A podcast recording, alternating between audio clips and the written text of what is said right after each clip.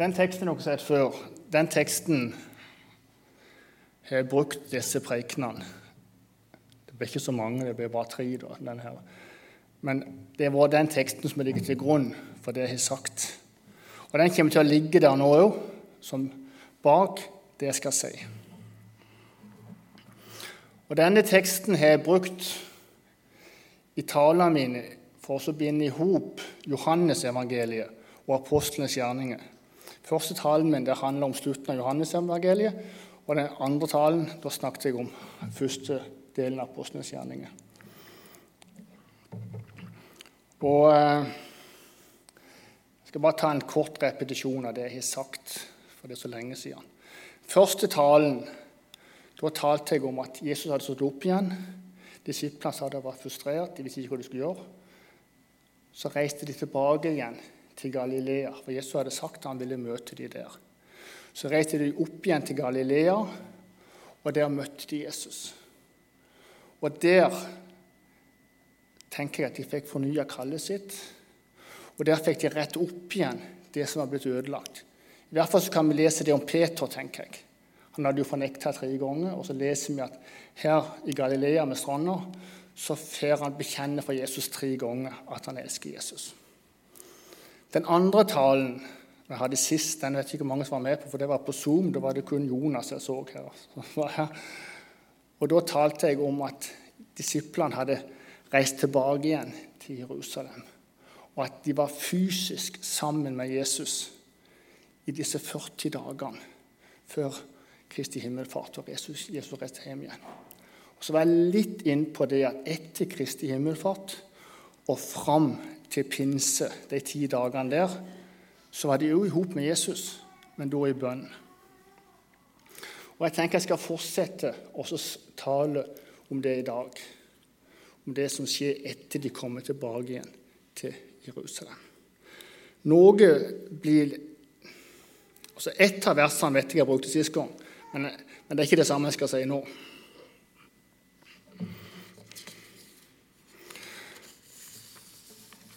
Lukasevangeliet er brukt til det som et bindeledd mellom Johannes og apostlenes gjerninger. For Lukas har skrevet både Lukasevangeliet og apostlenes gjerninger. Og Når vi leser dette siste kapittelet i Lukas, så er det veldig mye av det som overlapper det første kapittelet i apostlenes gjerninger. Altså Han repeterer seg sjøl litt, og så går han videre i apostlenes gjerninger. Det er ett vers i apostlenes gjerninger som ikke står her i Lukas. Det er flere, men det er ett.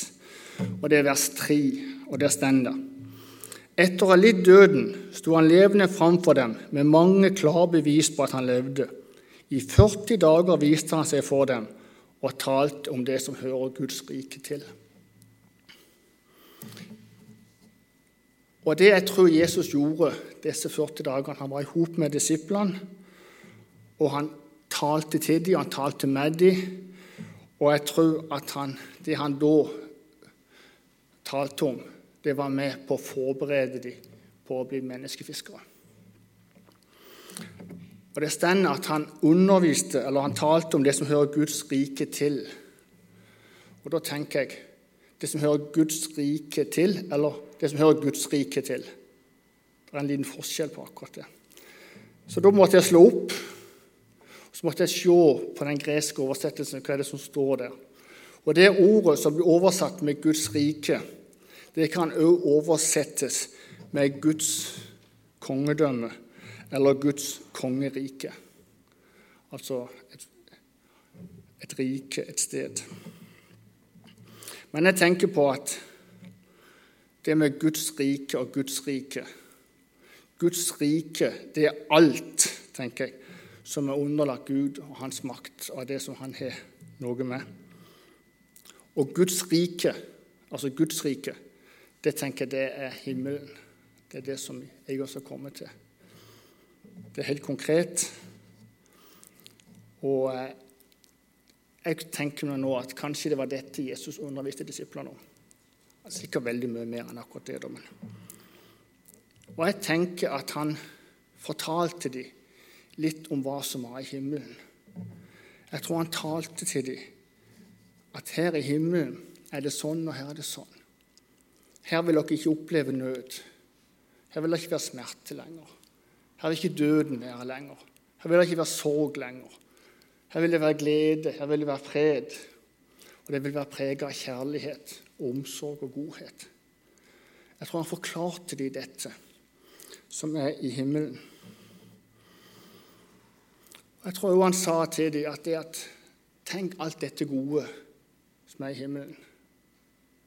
Der vil jeg møte dere. En gang så vil jeg møte dere igjen her i himmelen. Dere skal treffe meg igjen. Både dere og alle de som dere får med dere på veien. Og jeg tenker dette er litt viktig for Jesus å få sagt til disiplene. For det ligger noe med det å skape en himmellengt i dem. For hvis de får en himmellengt i seg, så begynner du plutselig å prioritere. Sånn er det Mokke òg. Så begynner en å prioritere litt annerledes. Du begynner en å se hva er viktig i livet. Og så begynner en å tenke på at den tida er ikke her på jorda. Det er bare sånn. Det er bare et lite blaff. Hva bruker jeg tida mi til?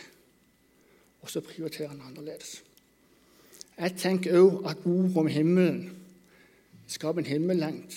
Men det skaper òg en nød i oss for andre mennesker. Plutselig så ser en at at naboen min, vennene mine, familien min, de er ikke med. Og så ser en at, det at dette her er viktig.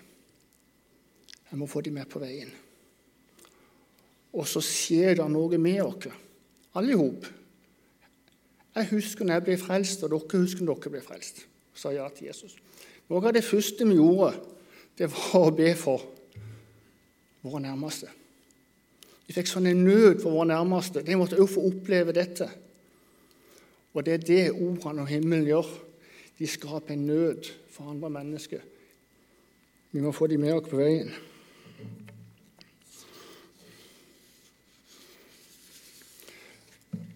Og jeg tror som sagt at Jesus underviste dem om Guds rike det fysiske Guds rike, men òg det åndelige, det som er i den åndelige verden, i den åndelige sfæren. Jeg tror han underviste dem om Den hellige ånd. Og jeg tror han brukte tid på å forberede dem på Åndens komme, på at Den hellige ånd skulle komme. Og jeg tror han fortalte dem alt det de trengte å vite om talsmannen, om Den hellige ånd. Jeg tror han talte om kraften, om hjelpa og utrustninga de skulle få gjennom Den hellige ånd. Jeg tror han talte om hjelpa de skulle få gjennom Den hellige ånd til å utføre oppgaven, oppføre tjenesten, til å gå ut og gjøre folk til disipler. Det å være menneskefiskere. Jeg tror han fortalte dem at Den hellige ånd skulle være talsmannen han skulle ta av det som var i himmelen, og han skulle gi det til deg. Og du skulle være en styrke i livet ditt sitt, og en kraft i livet ditt sitt. Jeg tror han fortalte dem at, det at Den hellige ånd skulle lede dem og skulle vise dem den veien de. Og jeg tror at han forklarte dem at han måtte reise hjem til himmelen, sånn at Den hellige ånd kunne komme ned til jorda sånn som han sier i Johannes 16, 16,7. Men jeg sier dere sannheten. Det er til det beste for dere at jeg går bort. For dersom jeg ikke går bort, kommer ikke talsmannen til dere. Men går jeg bort, kan jeg sende han til dere. Og så skjer det at Jesus reiser hjem, som vi leser om her. Og det disiplene gjør da, de fortsetter å være sammen med Jesus. De fortsetter å tilbringe tid sammen med Jesus, men nå i bønn. Vi leser at de samla seg til bønn. Og med en anledning så var det i hvert fall 120 mennesker til stede når de ba. Og jeg tror at disse bønnesamlingene sine var prega av forventning. Tror disse bønnesamlingene seg var preget av tro og håp De venta på det som skulle skje. De venta på Den hellige ånd skulle komme. De venta på at de skulle bli fulgt med denne kraften som Jesus hadde talt om, som Jesus hadde undervist om. Og vi leser at et, i ti dager, eller etter ti dager etter å være samla i bønn, så skjer det. Så kommer Den hellige ånd over dem. Og så blir de fulgt med kraften. Jeg skal lese teksten igjen her. Han sa til dem, slik står det skrevet, Messias skal lide og stå opp fra de døde tredje dag, og i hans navn skal omvendes og tilgivelse for syndene forkynnes for alle folkeslag. Dere skal begynne i Jerusalem, og dere er vitner om dette. Og se, jeg sender over dere det som min far har lovt. Men dere skal bli i byen til dere blir utrustet, utrustet med kraft fra det høye. Det er dette disiplene nå gjør. De blir i byen. Lukas skriver jo som sagt apostelens gjerninger. Der skriver han det litt enklere. I vers 8 i kapittel 1 så står det Men dere skal få kraft når Den hellige ånd kommer over dere, og dere skal være mine vitner i Jerusalem, hele Judea, i Samaria og helt til jordens ender. Litt enklere å huske enn alt den teksten der. Og der tror jeg at det ligger en hemmelighet. Det ligger en nøkkel for oss som vil tjene Jesus i dette verset. Men dere skal få kraft når Den hellige ånd kommer over dere. Og dere skal være mine vitner. I denne rekkefølgen. Dere skal få kraft. Dere skal være mine vitner. Jeg tror rekkefølgen her ikke er vilkårlig. Jeg tror rekkefølgen her er viktig. For jeg tror nemlig det er viktig at vi blir ikledd kraft.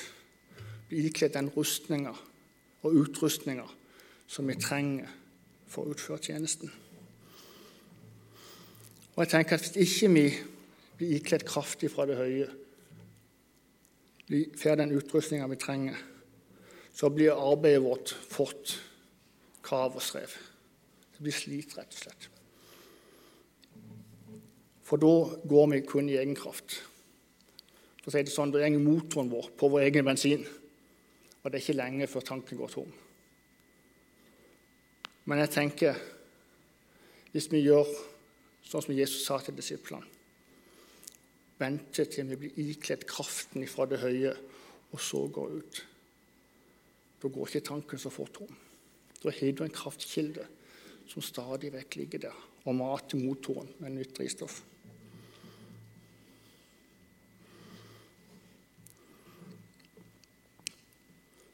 Jesus snakker om å bli ikledd kraftig fra det høye, og jeg tenker at det, at det er Den hellige ånd.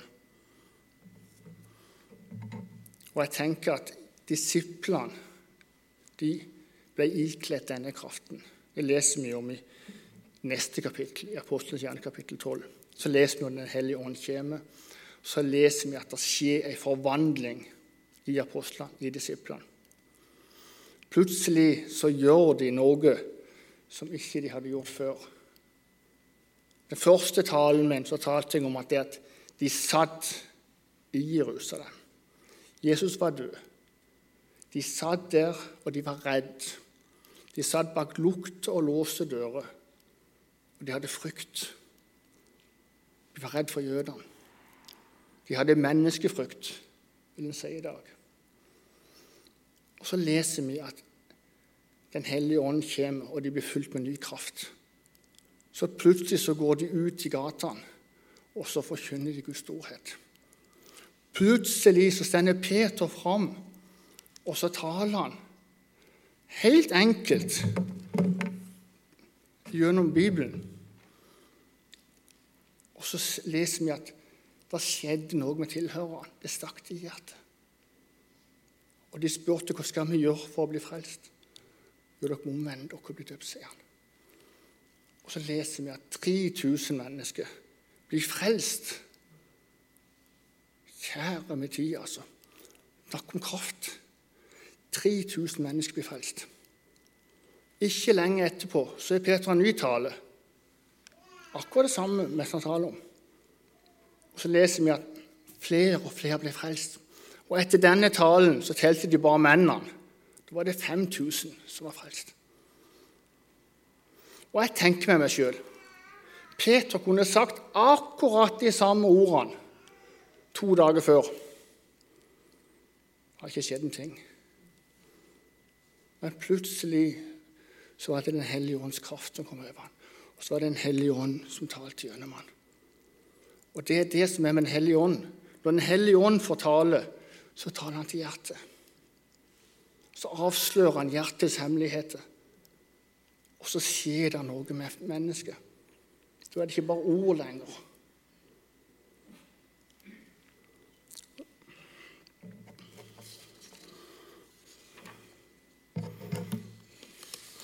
Og Derfor tenker jeg at, det at dette ordet som jeg sa med at dere skal få kraft i Den hellige ånd komme over dere, og dere skal være mine vitner. Rekkefølgen er ikke tilfeldig. Jeg tenker veldig ofte så er vi så lett for å hoppe over den første biten. For Vi ser behovene, vi ser tjenesten og vi ser alt som må gjøres, og så går vi rett på tjenesten. Men vi har en del å lære, tenker jeg. I hvert fall har det. Av apostlene. De venter. Jesus hadde sagt dere skal bli i byen og vente til dere blir kledd kraftig for det høye. Og de venta. Men de brukte tida godt. De brukte henne i hop med Jesus. Brukte tida i bønn.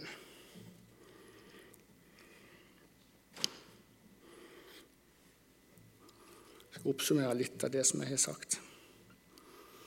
Det det hele handler om, egentlig, det er å prioritere, tenker jeg å prioritere tid sammen med Jesus. Det var det disiplene her gjorde, disse tre talerne mine. De prioriterte å bruke tid i med Jesus. Første var at de prioriterte å bryte opp fra Jerusalem og gå opp til Galilea. Opp til der de først hadde møtt Jesus, opp til der de hadde fått kall om å følge ham. Det neste de gjorde, det var at de prioriterte Jesus igjen. Tida var sammen med han. Men nå gikk de tilbake til Jerusalem. Og så var de der fysisk sammen med han i 40 dager. Eller til samme 40 dager. Og i dag så tenker jeg at det at det det er snakk om, det er å prioritere å være sammen med Jesus i bønn. Og så kommer Jesus til oss gjennom Den hellige ånd, og så kan vi sjøl velge hvor ofte vi vil være sammen. For da tar Den hellige ånd bolig i oss, og vi kan være sammen. Vi tar det som en selvfølge. Men for disiplene her så var dette noe stort. For de hadde ikke opplevd dette. De hadde ikke opplevd Den hellige ånds komme ennå. Vi er så vant med det. Vi tenker ikke på det at han bor i oss, og han er med oss hele tida. Det blir på en måte en selvfølgelighet for oss. Men for dem var det stort, og de gleda seg til dette. her. Det var i grunnen det jeg prøvde å si i dag, at, at Jesus kom til dem. Og nå kunne de være sammen hele tida. Og jeg vil også si at, det at akkurat som med disiplene, så er det òg med vårt forhold til Jesus. Det gjelder å prioritere, og det gjelder å bruke tid sammen med Jesus. Alt vi gjør, og alt vi vil gjøre for Jesus, det starter med akkurat det samme som med disiplene. Det starter med vårt personlige forhold til Jesus. Og det skjer akkurat det samme med oss som det skjedde med disiplene. Når vi har et personlig møte med Jesus, når vi møter Jesus og blir rørt av han, så begynner vi å be. Og så begynner vi å be for våre nærmeste. Så begynner vi å be om frelse. Så begynner vi å be om vekkelse, for da blir plutselig det viktig.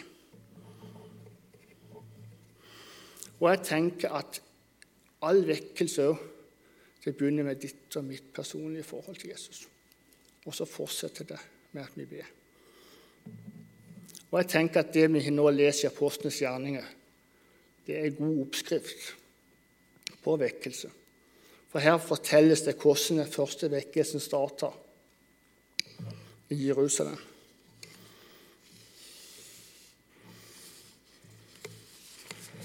Og jeg tenker at det er viktig, dette med Den hellige ånd.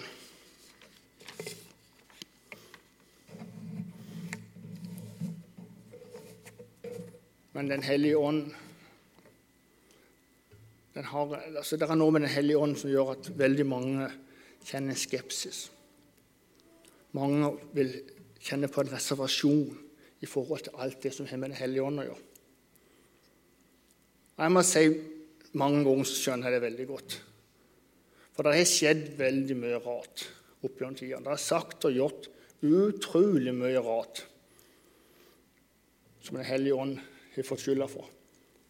Det er sagt og gjort mye som rett og slett har vært til skade for mennesker.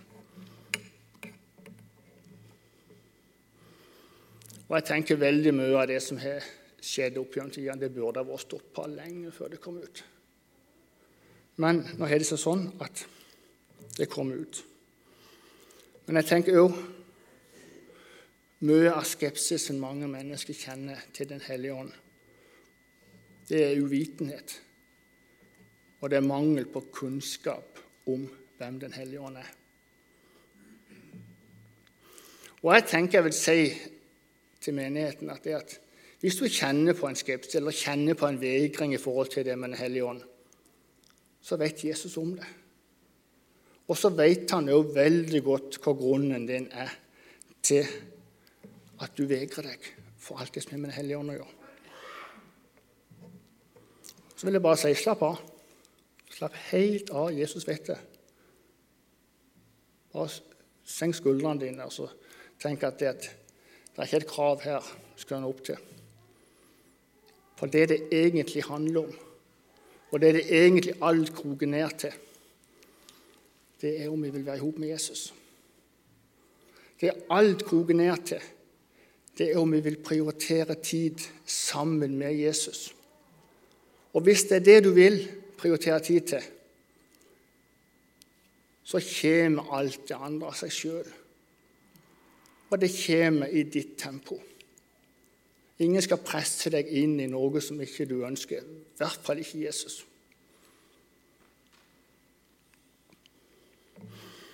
Og jeg tenker at Hvis du kjenner på dette med vegring, så overlat det til Jesus. Bare legg det på Jesus.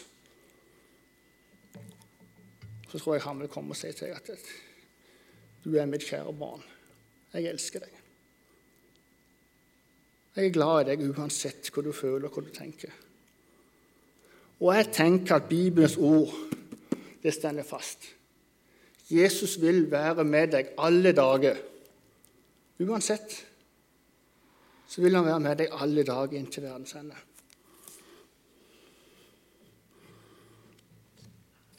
Når jeg kom til avslutninga Og avslutninga mi vil jeg bare si at nå nærmer vi oss den dagen når vi feirer Kristi himmelfart. Det er bare noen få dager til.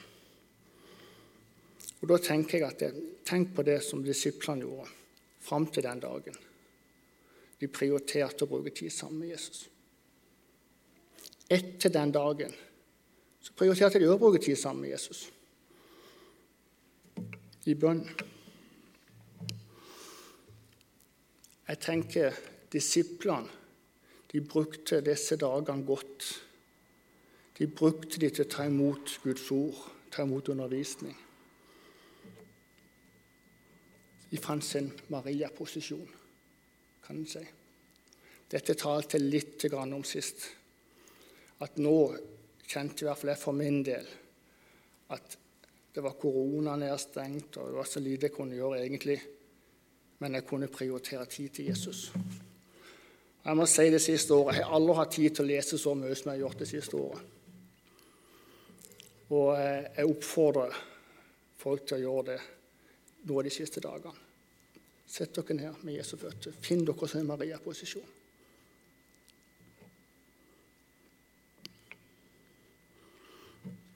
Og Disiplene som jeg sa, de brukte tida etter Kristi himmelfartsdag til å være med Jesus i bønn og innvielse til tjeneste. Og Det tenker jeg òg vi kan lære. Det tenker jeg òg jeg vil oppfordre dere til å gjøre, til menigheten til å gjøre. Så Det var i grunnen det jeg hadde tenkt å si i dag. Bruk disiplene som et eksempel. De prioriterte tid. De prioriterte å være sammen med Jesus. Så er det veldig sterkt det vi leser i Apostles gjerninger. Jeg anbefaler dere til å lese det, rett og slett. For det handler egentlig kan like godt hete Åndens gjerninger. For da leser vi om den hellige ånd, hvordan Den hellige ånd virker, hva Den hellige ånd gjør. Og så sprer evangeliet seg hele Jerusalem. Tusenvis blir frelst. Så sprer det seg til Judea, Samaria og helt opp til Norge og helt inntil her i dag. Yes.